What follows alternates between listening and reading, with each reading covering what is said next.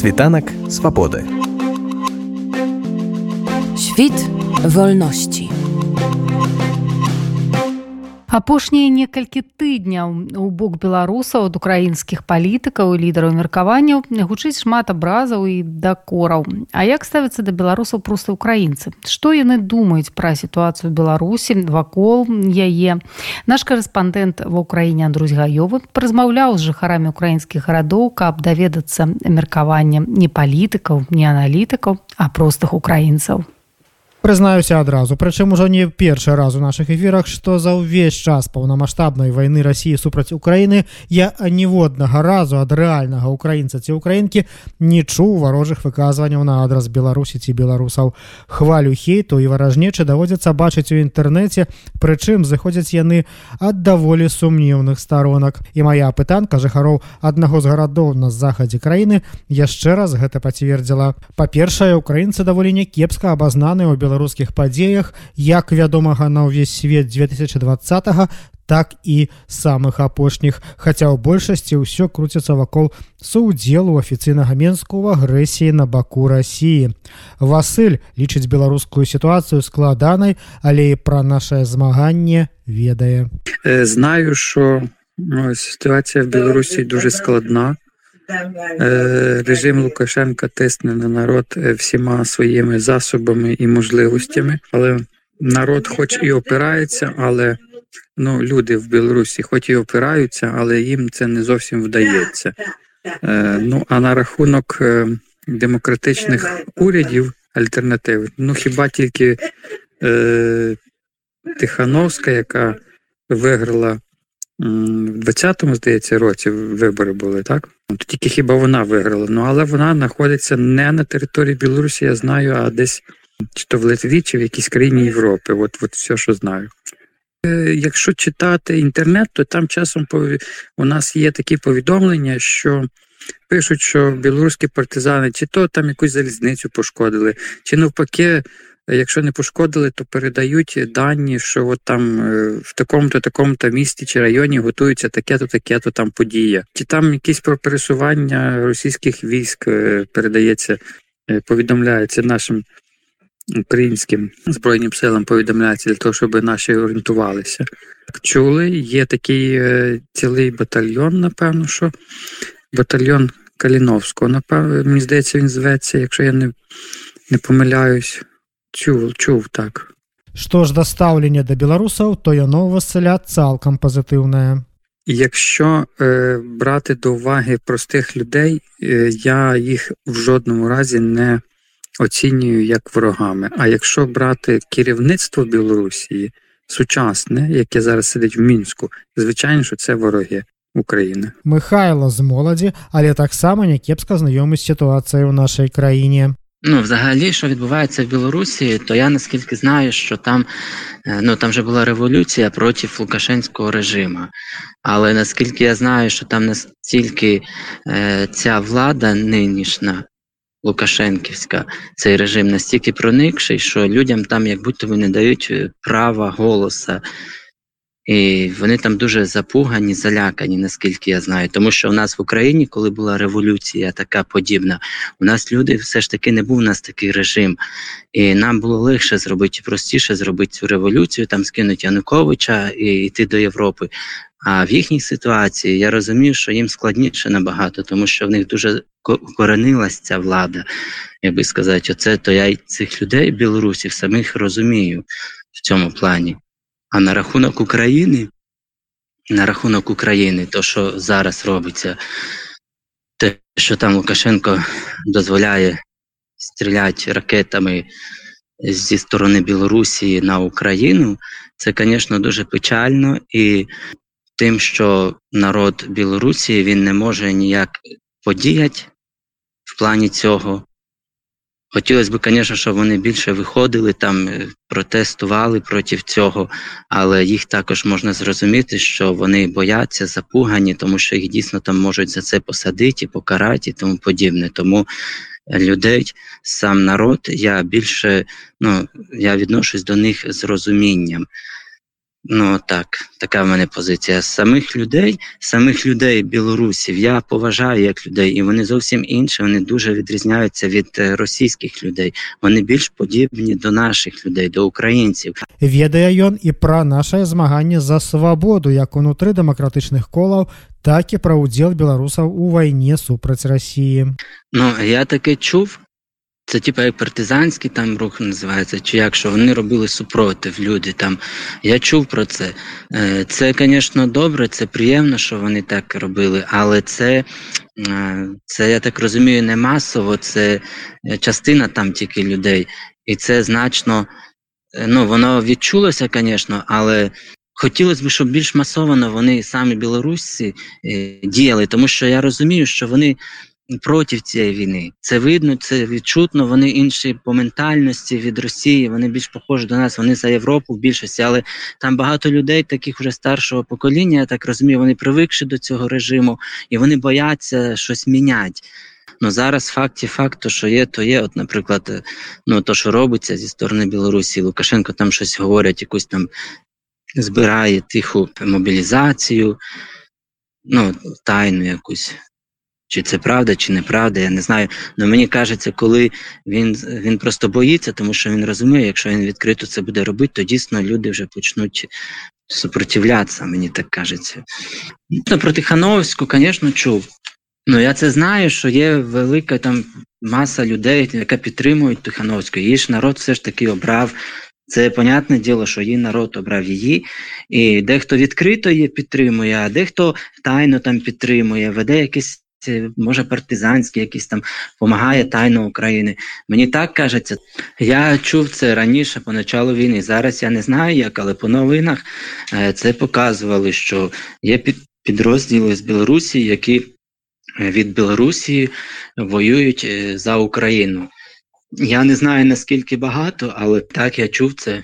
А вось наконт выказвання украінскіх палітыкаў Михайло не дуже в темі апошніх спрэчак. Наскільки я знаю, то е, навіть політики, навіть сам президент він говорив, що він до самого народу відноситься нормально, позитивно і просто говорить про те, щоб не йшли воювати, якщо вас будуть заставляти там, або якщо будете йти, то щоб здавалися масово там в полон чи ще щось. А е, самі політики е, вони розуміють людей. Але інколи, звісно, натякають про те, що якщо Білорусь нападе все ж таки на Україну, допустимо, за Росію, то, звісно, в цьому буде десь хочеш, не хочеш, косвенно там народ Білорусі теж замішаний. Якщо вони не будуть робити супротив, то ну, хочеш, не хочеш, то їх це каснеться, тому що це їхній президент, це їхня влада. Прадстаўнік больш сталага пакалення Андрый падыходзіць да ацэнак беларускай сітуацыі, асабліва беларускай дэмакратычнай апазіцыі больш стрымана і ўзважана, хаця пра дзеянні беларусаў на баку Украіны таксама ведае. Звичайно, що Лукашенко це є тоталітарний навіть не лідер, а який себе внаслідок багатьох виборів призначив е, президентом.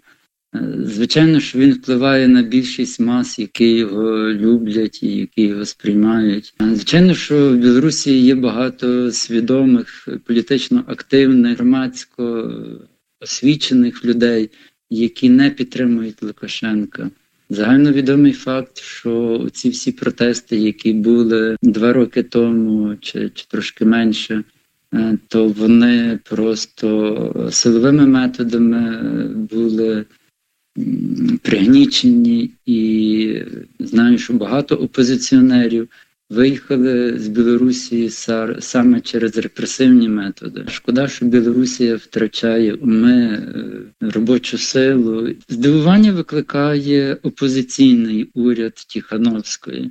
З одного боку, вони в опозиції до Лукашенка, з іншого боку, мене дивує нечітка, невизначена позиція щодо Путіна, загравання з, з масами білоруськими які є в більшості проросійськими, і саме ця невизначена позиція щодо Росії до Путіна викликає багатьох українців, наскільки вона опозиційний цей уряд вигнані, уряд Тихановської, наскільки вони є дружніми до України, якщо позиція уряду в опозиції не визначена. До Росії, то відповідно і не визначена до України. Знаю, що е, Білорусь, свідомі білоруси, вони на сторону України перейшли і воюють в добровольчому батальйоні білорусів як він называется каліновскую да і стаўленне Андрэя да беларусаў фармуецца праз яго асабісты досвед бо мае ў беларусі родзічаў сітуацыя в сям'і якіх на погляд Андрэя дуже яскравая люструе сітуацыю беларускім народзе в кожному народі є різні люди дуже люблю дуже поважаю свідомих громадсько свідомих політично активних білорусів, які які або вимушені були виїхати, або стали на бік Білорусі. На жаль, е, велика частина білорусів є споживачами. Вони голосують за магазин, за радіо, за телевізор. Все те, що їм показують. На жаль, е, маю родину українців в Білорусі. Е, моє покоління і старше покоління. Вони, вони політично пасивні. Вони навіть не зовсім про українці, що вони українці за походженням.